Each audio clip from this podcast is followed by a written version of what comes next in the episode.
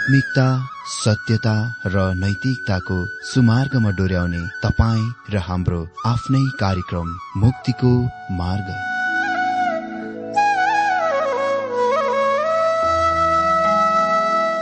आदरणीय श्रोता यस मुक्तिको मार्ग कार्यक्रममा हार्दिक स्वागत छ। आशा छ यस आत्मिक कार्यक्रमद्वारा जीवनमा आत्मिक आशिष अलौकिक शान्ति र आनन्द प्राप्त गर्नुहुनेछ। र जीवनमा धन्य अनुभव गर्नुहुनेछ। आउनुहोस् श्रोता। मन र आत्माको तयारीको लागि यो मिठो अनि मधुर भजन गीत सुनौ।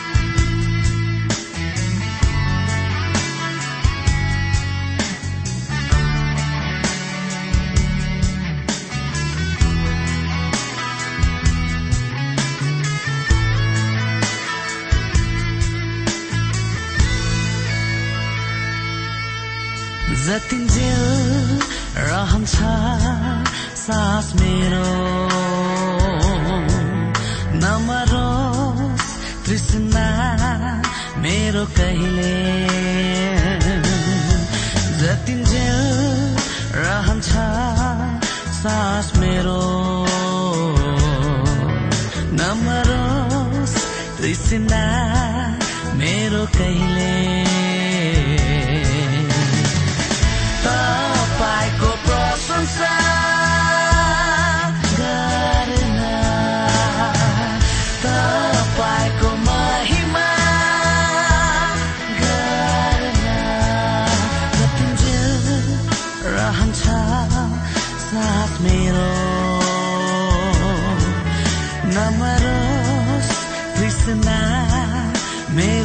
मेरो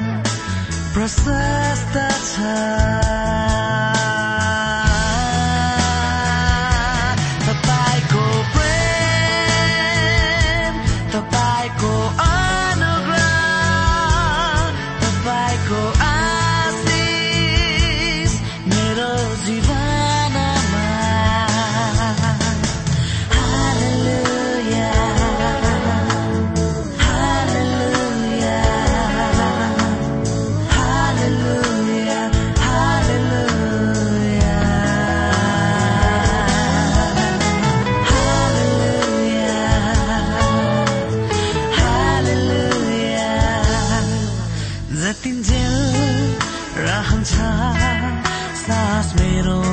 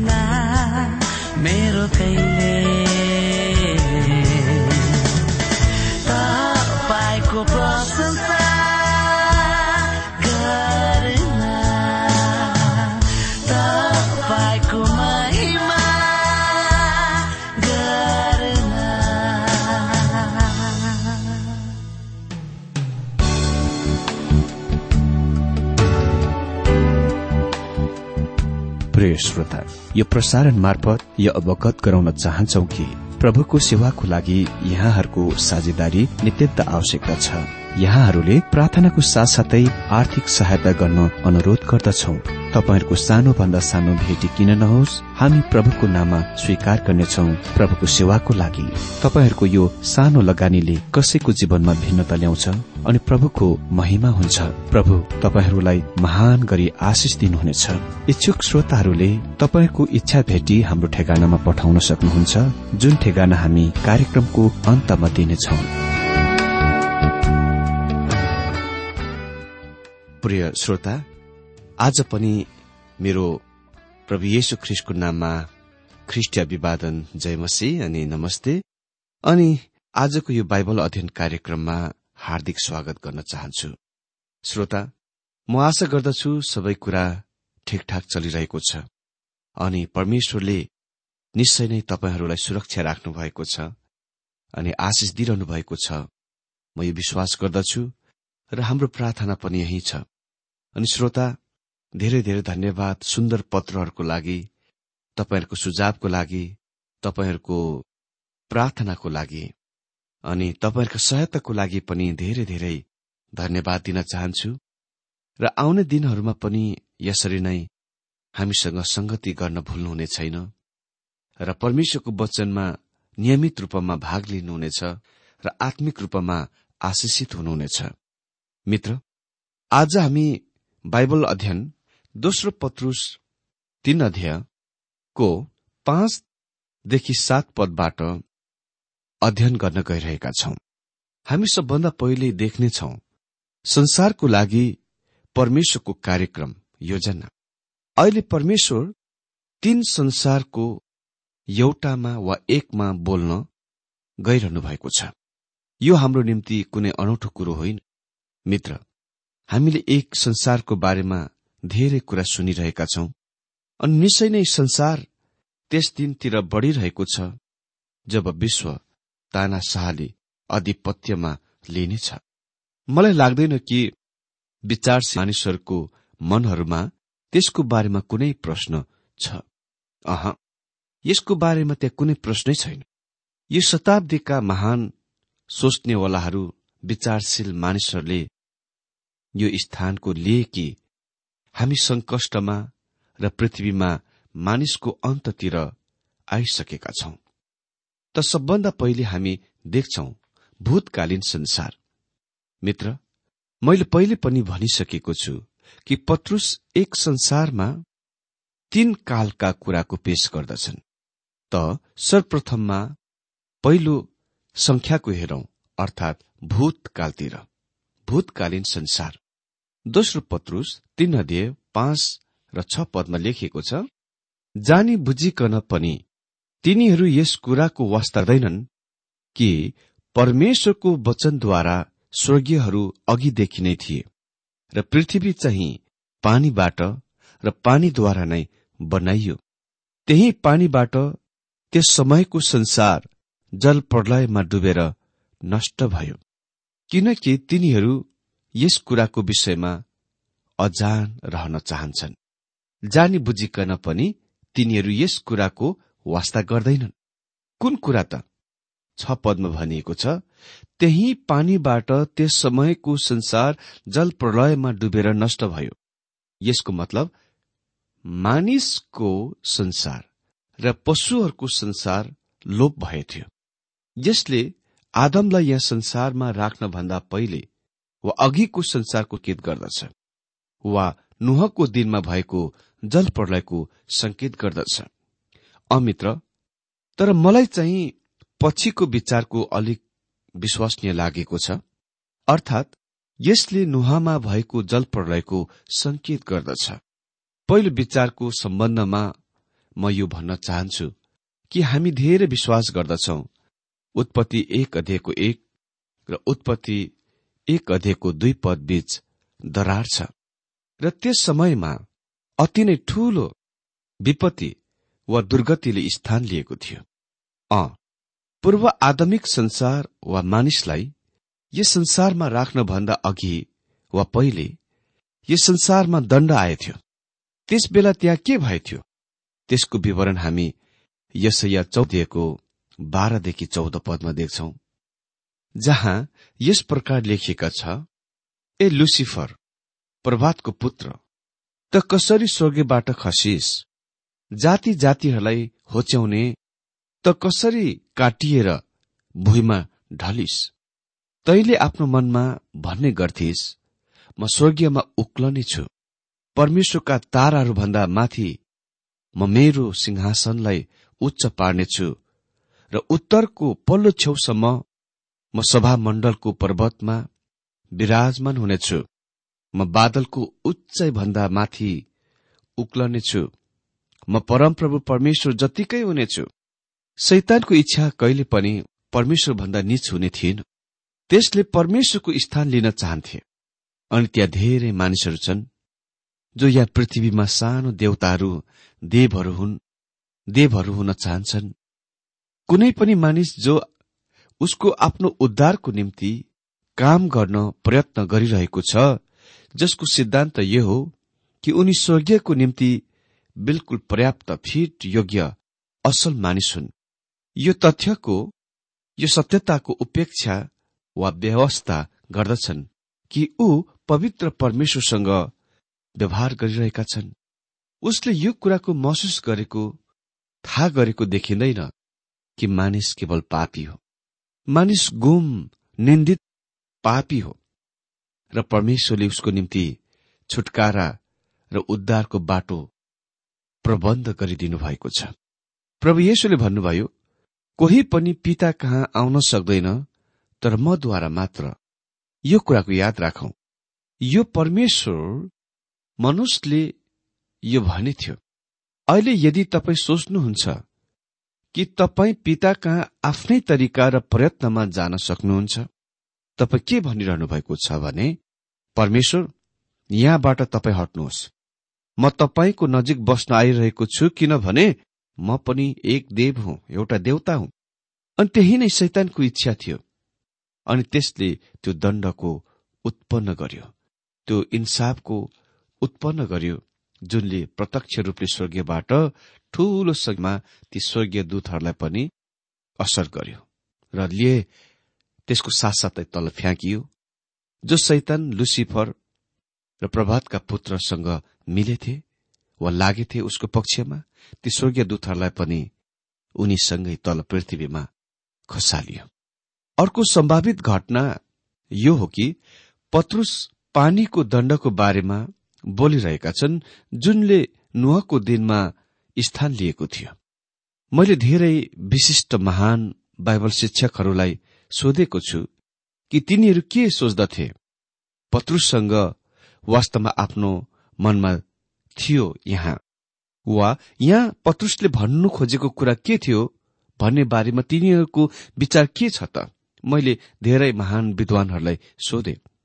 अ त्यहाँ केही असहमति थियो। प्राय जसो धेरैले यो सोचे को थाहा पाए कि यसले नुहको दिनको जलप्रलयको संकेत गर्दछ। निश्चय नै यो नै यहाँ दोस्रो पत्रुस तीन अध्ययको छ पदको कुराको खास संकेत देखिन्दछ। विश्व प्रलयको पूर्वको सभ्यता जल प्रलयले नष्ट भए र यसको लागि यसको लागि त्यहाँ पर्याप्त प्रमाण छ। विश्व प्रलयको पूर्वको सभ्यता त्यस बेलाको जल प्रलयले नष्ट भयो भन्ने त्यहाँ पर्याप्त प्रमाणहरू छन्। कल्दीको प्राचीन उर सहरको क्षेत्रमा खोदाईले यो देखाउँछ कि त्यहाँ धेरै सभ्यताहरूको नष्ट गरिएको थियो।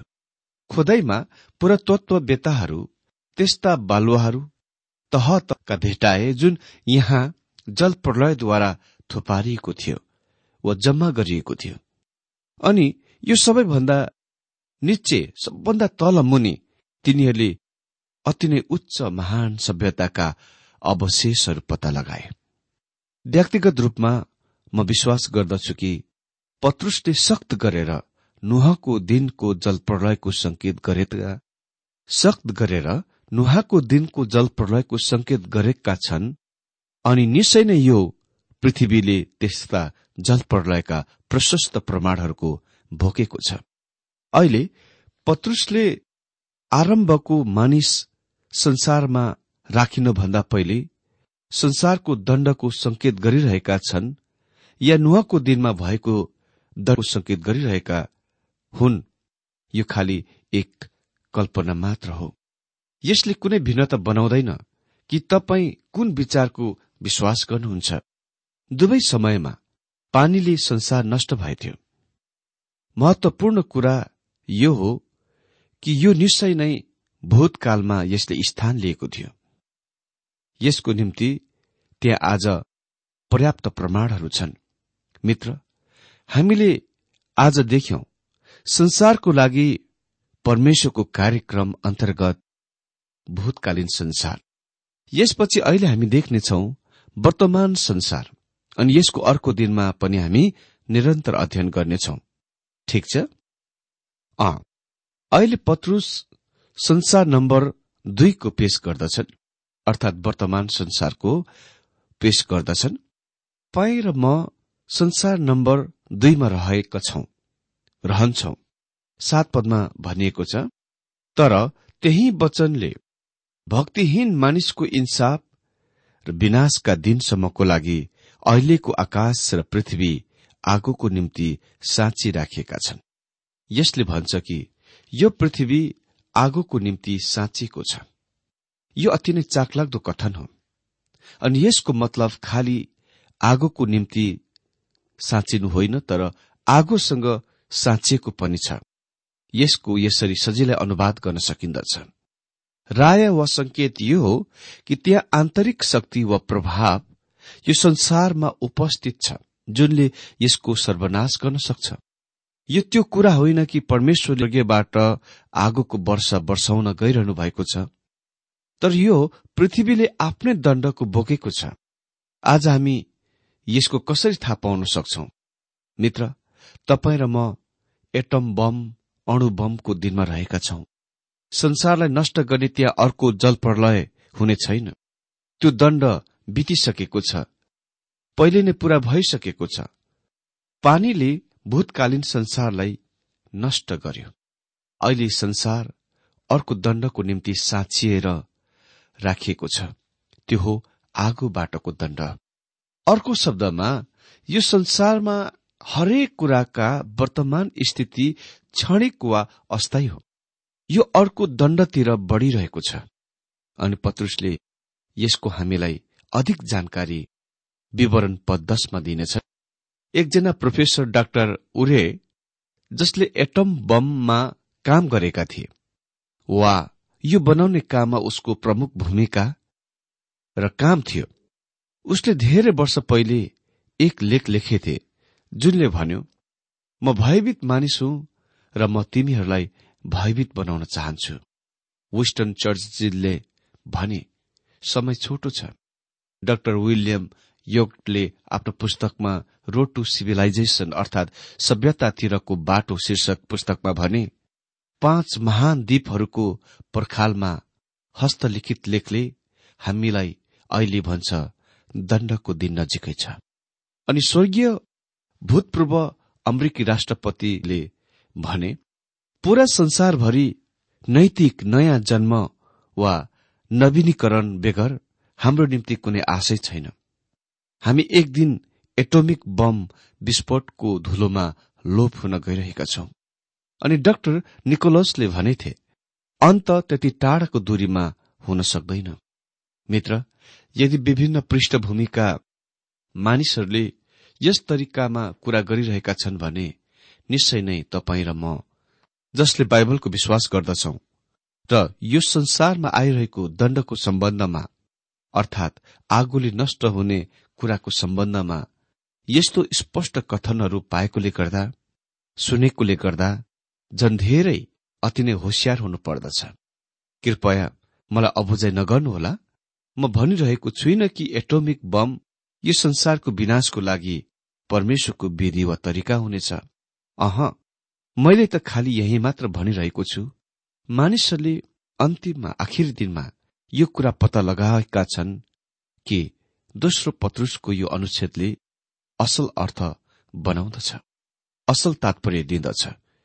यस तरिकामा यो केवल तर्कयुक्त वा तार्किक मात्र होइन यो वैज्ञानिक सम्बन्धी पनि छ जुनद्वारा परमेश्वरले यो विश्व ब्रह्माण्डको नष्ट गर्न सक्नुहुन्छ। परमेश्वर आजको यो बाइबल अध्ययनद्वारा हरेकलाई धेरै धेरै आशिष दिनुभएको होस्। Thank you.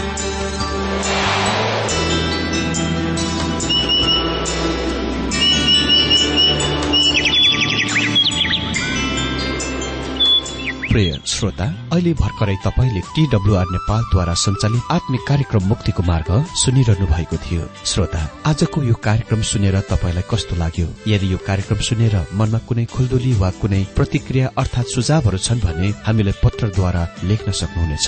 हामी हृदयदेखि नै स्वागत गर्नेछौ स्वीकार गर्नेछौ साथै बाइबल सम्बन्धित प्रचारहरू कार्यक्रम सारणीहरू हामी अनुरोधमा पठाउन सक्छौ। अनि तपाईँसँग कुनै प्रार्थनाको विषय छन् भने हामीले तपाईँको लागि प्रार्थना गरेको चाहनुहुन्छ। भने प्रभुमा आफ्नै परिवार सम्झेर हामीलाई पत्रमा लेख्न सक्नुहुनेछ। तपाईँको लागि हामी प्रभु येशुसँग प्रार्थना गर्नेछौ। अधिक जानकारी र पत्रचारको लागि हाम्रो ठेगाना यस प्रकार छ। कार्यक्रम मुक्तिको मार्ग जीपीओ नम्बर उनानब्बे पचहत्तर एपीसी पच्चिस एकसठी काठमाडौँ। ठेगाना एकपल्ट सुन्नुहोला। कार्यक्रम मुक्तिको मार्ग जीपीओ नम्बर उनानब्बे पचहत्तर एपीसी पच्चिस एकसठी काठमाडौँ। हाम्रो इमेल एड्रेस हो TWR Nepal at Yahoo dot com. साथै यस नम्बरमा एसएमएस गर्न सक्नुहुनेछ। अन्ठानब्बे चार सत्तरी पैतिस छ सय उनासी नौ आठ चार सात जिरो तीन पाँच छ सात नौ। हुन्छ श्रोता आजलाई हामी विदा चाहन्छौ। अर्को कार्यक्रममा हामी पुनः भेट्नेछौ। तबसम्मलाई नमस्कार।